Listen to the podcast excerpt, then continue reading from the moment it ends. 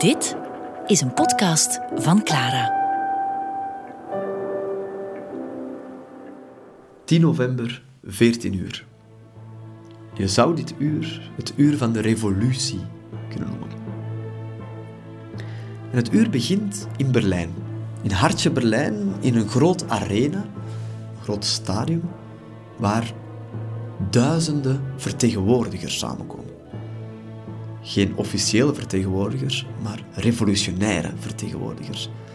Het zijn militairen, arbeiders, die gekozen zijn in de ochtend van 10 november om in die grote arena, de zogenaamde Bush Arena, een regering samen te stellen. Een nieuwe revolutionaire regering om Duitsland te leiden. Nu dat de keizer is afgezet, de revolutie is uitgeroepen, de republiek is uitgeroepen, is de macht aan de straat. Maar op voorhand is eigenlijk al heel veel bepaald. Want wat toen heel voelbaar was, was niet het geweld van de revolutie waar zoveel over hadden gevreesd. Heel veel mensen in hun dagboeken schrijven hoe dat onverwacht die Berlijnse revolutie vrij vredevol was. Het betekende vooral het einde van de oorlog. Het einde van vier jaar lange strijd en het massale sterven. Hun hoop was gericht op die wapenstilstand. Zij wilden dat Erzberger in het bos van Compiègne zou kunnen tekenen. En dat moest zo snel mogelijk gebeuren. Maar daarvoor moest er natuurlijk een regering zijn. Want zonder een regering in Berlijn kon Erzberger in het bos van Compiègne niet tekenen. Met duizenden komen ze samen in die arena en op voorhand is er al een soort van ja, koep geweest, zou je kunnen zeggen. De sociaaldemocraten, wij zouden zeggen de socialisten, hebben op voorhand al bepaald dat zij de macht zouden nemen, ten koste, ten nadelen van de communisten. In hun ogen moest het een gematigde revolutie zijn. Oké, Duitsland moest een republiek worden, het volk moest aan de macht zijn, maar geen radicale revolutie, geen geweld zoals in Rusland, waar op dat moment nog altijd een burgeroorlog woedde die uiteindelijk miljoenen doden zou maken.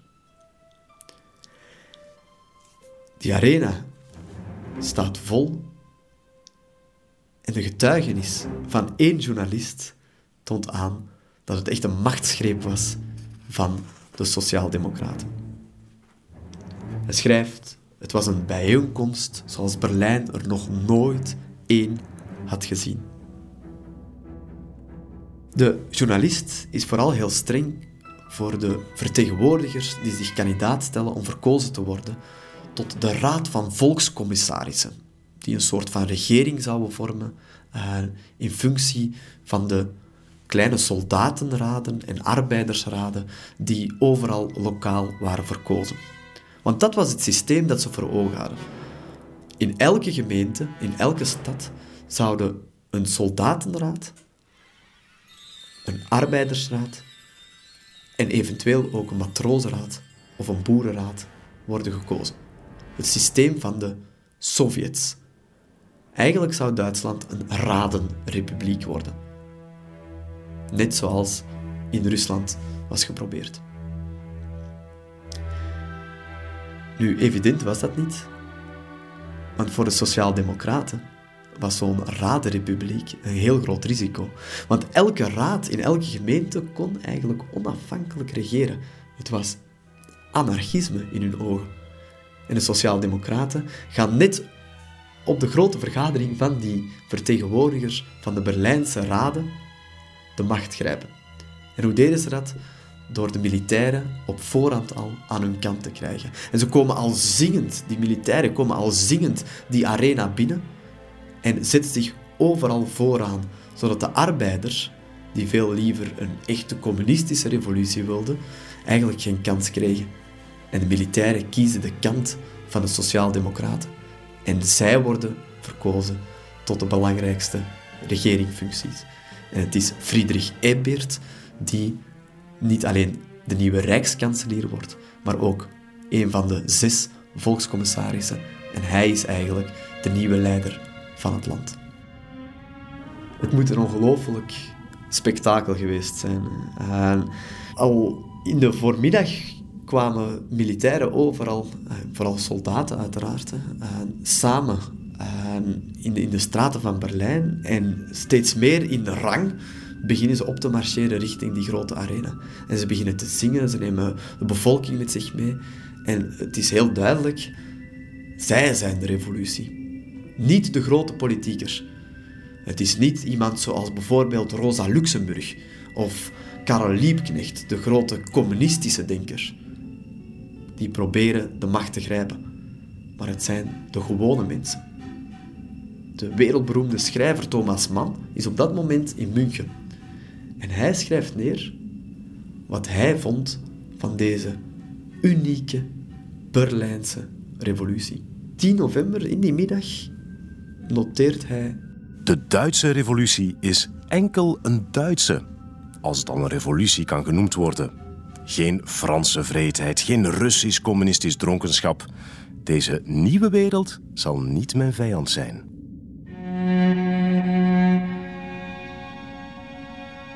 Thomas Mann legt zijn pen neer, ging naar buiten met zijn jas aan en deed een deugddoende herfstwandeling in het park.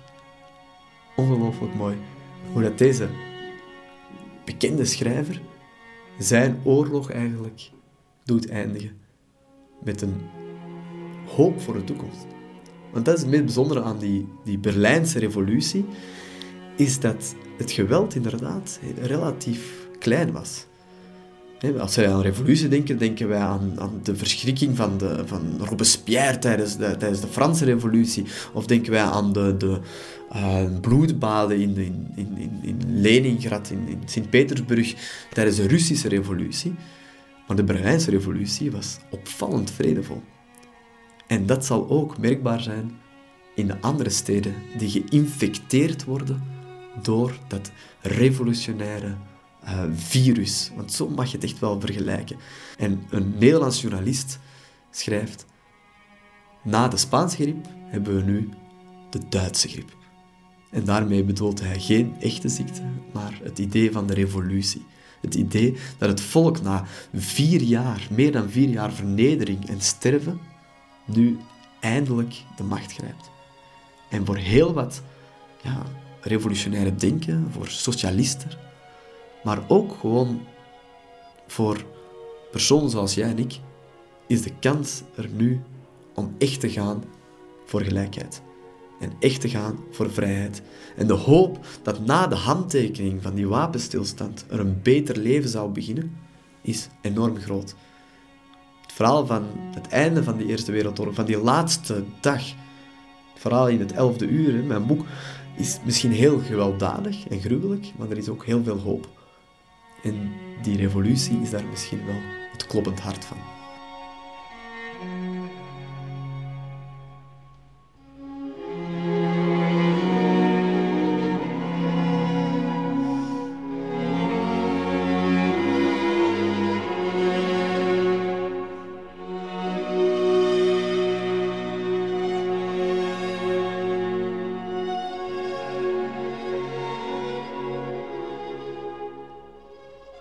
Terwijl dat in Berlijn de vertegenwoordigers van de raden samenkomen, ontploft de boel in Brussel. Om 14 uur komen meer en meer mensen samen, soldaten samen, Duitse soldaten samen, aan het Noordstation in Brussel. En opvallend is dat zij heel geweldloos zijn.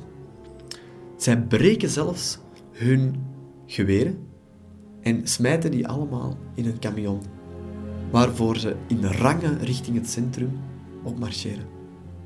Een van de kroongetuigen van die gebeurtenissen is de heel bekende schrijver Karel van de Woestijn. En hij grapt zelfs, ja, die geweren waren blijkbaar niet zo sterk. Bovendien zegt hij, de orde en de tucht is er niet uit, want mooi in rang marcheren ze op. Het is dus geen echte revolutie, maar hij bedenkt zich wel: is dit een bevrijding zonder dat de wapenstilstand getekend is? Gaan die militairen, gaan die soldaten, gaan die muitende soldaten, gaan die de macht overnemen in het centrum van Brussel? En dat is wat de bevolking ook voelt. En meer en meer mensen komen richting het Noordstation. En er ontstaat eigenlijk een soort van vreemde, uh, dubbele stoet. Eerst een stoet van muitende Duitse militairen. En daarachter een stoet van zingende Belgen, die hier en daar zelfs al een Belgische vlag durven bovenhalen. Het lijkt precies alsof dat die Belgische vlaggen daar al vier jaar klaar liggen voor dit grote feest. En ze marcheren op richting het centrum van Brussel. Hun doelwit? Het parlement. Parlement aan de Dichtbij het Warandenpark. De plek waar ook in 1830 natuurlijk de Belgische revolutie is uitgevochten. En de symboliek voelt iedereen, maar er is ook wel vrees. Karel van de Woestijnen schrijft hoe dat de, het hart van de Brusselaar toenijpt bij het horen van dat verschrikkelijke woord in zijn perspectief. Bolsjewisme. Zou er in Brussel misschien een soort van Russische revolutie losbarsten? Of zou het zo zijn als in Berlijn gisteren, waar het volk samen met de soldaten de macht hadden gegrepen en de keizer hadden afgezet en eigenlijk amper een tiental doden waren gevallen.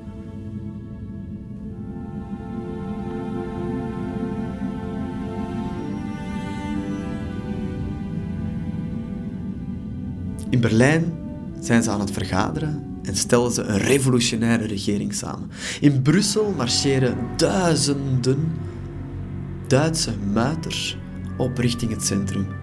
De revolutie breekt uit in Berlijn, in München, in Kiel, in Keulen, in Aken, maar ook in Brussel en ook in Antwerpen gaat het van kwaad naar erger.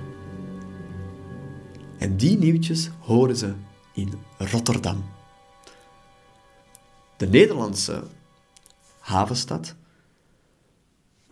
stond eigenlijk al sinds een half jaar in een soort van beleefde eigenlijk sinds een half jaar een soort van bizarre sfeer. Nederland was neutraal tijdens de Eerste Wereldoorlog. Probeerde angstvallig uit het conflict te blijven. Dat is niet evident, want ze lagen natuurlijk vlak bij de vijand, in de ogen van de geallieerden, de Duitsers. Ze lagen naast het bezette België. En er werd massaal gesmokkeld. De Duitsers verweten de neutrale Nederlanders dat ze te veel Belgen doorlieten aan de grens.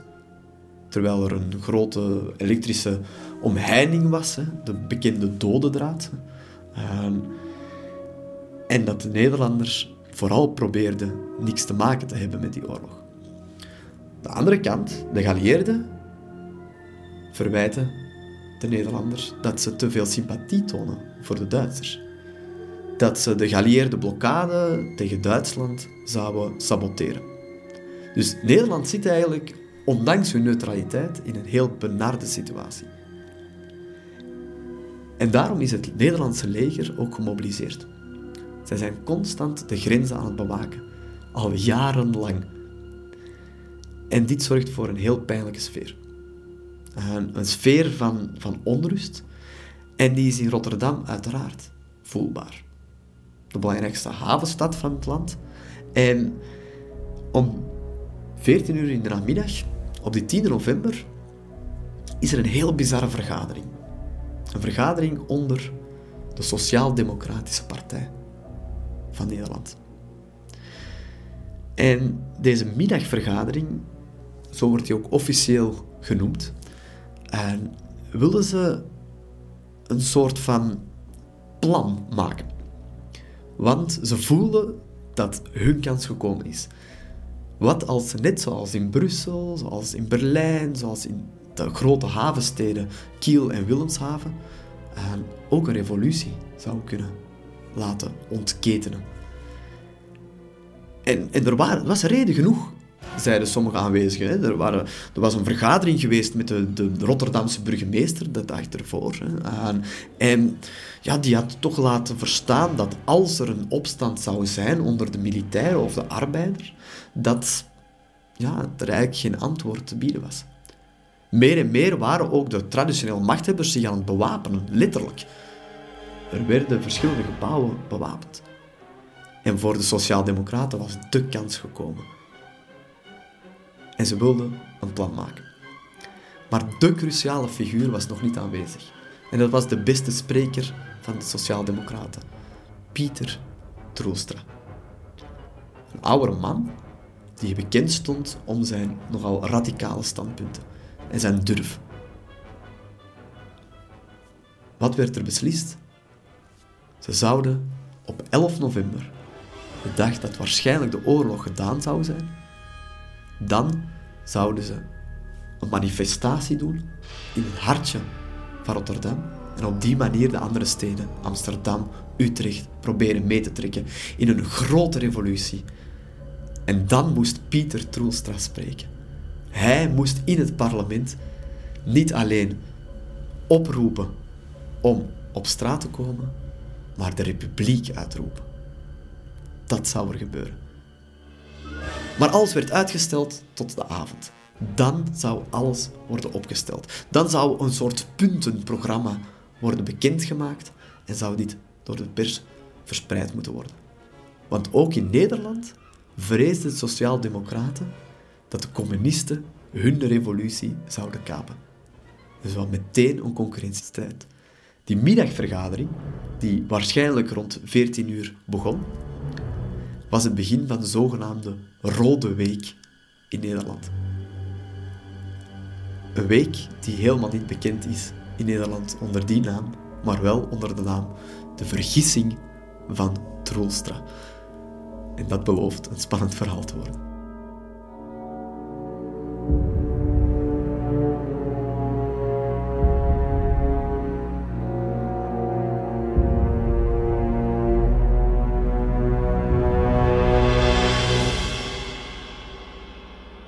Op die middagvergadering zal de voorzitter van de vergadering, Arie de Zeeuw, een recent opgesteld manifest voorlezen. Enkele eisen van de Sociaaldemocraten. Ze wilden demobilisatie en een uitbetaling voor de gemobiliseerde militairen die al jaren de grenzen aan het bewaken waren. Ze wilden afschaffing van de indirect verkozen Eerste Kamer. Maar vooral wilden zij stemrecht, algemeen stemrecht voor vrouwen. Zij wilden een staatspensioen vanaf 60 jaar. Ze wilden een minimumloon, ze wilden verzekerde voedselvoorziening. Zij wilden eigenlijk allemaal dingen die wij 100 jaar later als een logica beschouwen. Dus zo radicaal waren ze niet, maar dat was het 100 jaar geleden zeker en vast wel.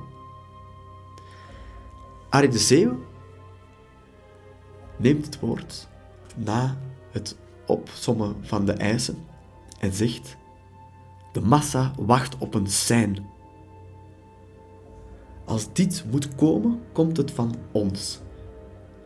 Wij kunnen de kat uit de boom kijken, maar kunnen dan ook te lang kijken en zo zou het kunnen dat ons de leiding van de revolutie ontglipt.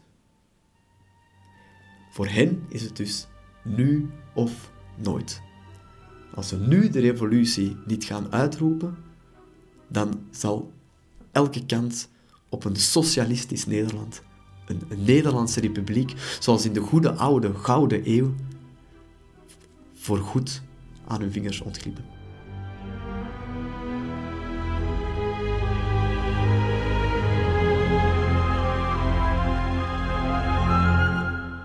Er wordt terug verwezen naar de opstand enkele weken geleden in de Harskamp, een militair kampement waar de soldaten de macht hadden gegrepen en verschillende barakken in brand hadden gestoken. Sommige van de sociaaldemocraten in de vergadering beweren dat dit nog eens zou kunnen gebeuren. Anderen waarschuwen dat in Rotterdam eigenlijk bijna geen militairen zijn. Dat ze aan de grens de revolutie moeten ontketenen. En wat gaan ze doen met de keizer? Want die staat op het punt om in Nederland asiel te krijgen. Arie de snoert iedereen de mond. Hij zegt: Als we morgen niets anders doen dan een manifestatie, een beetje rondlopen dus, dan is de boel weg. Dan is de kans weg om onze revolutie te ontketenen. Alles wordt uitgesteld tot de avondvergadering. Dan zal beslist worden wat er samen met Troelstra zal gebeuren.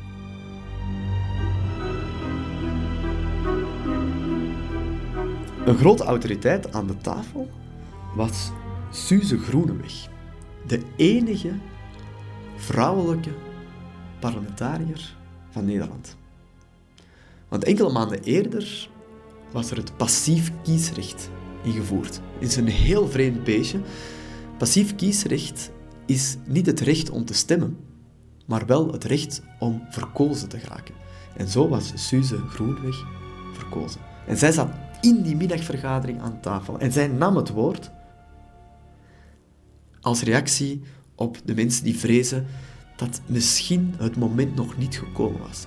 Hoe kan je voorspellen dat de revolutie zal uitbreken? En zij zegt, maar dat is zo vijf minuten voor de revolutie nog altijd niet. Er is nog altijd vijf minuten voordat de revolutie uitbreekt, zie je het niet gebeuren. Dat is het kenmerkende van een revolutie. En plotseling begint iedereen te discussiëren, maar we moeten het nu doen, we moeten het vandaag doen, we moeten niet wachten op Troelstra. En Arie de Zeeuw opnieuw barst uit en hij roept: Als we zo redeneren, moeten we thuis blijven zitten en de beweging over onze kop laten gaan.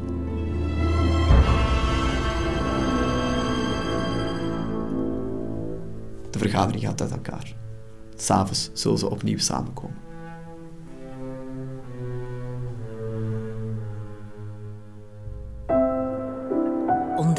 Onze andere podcasts via clara.be. Clara Podcast. Blijf verwonderd.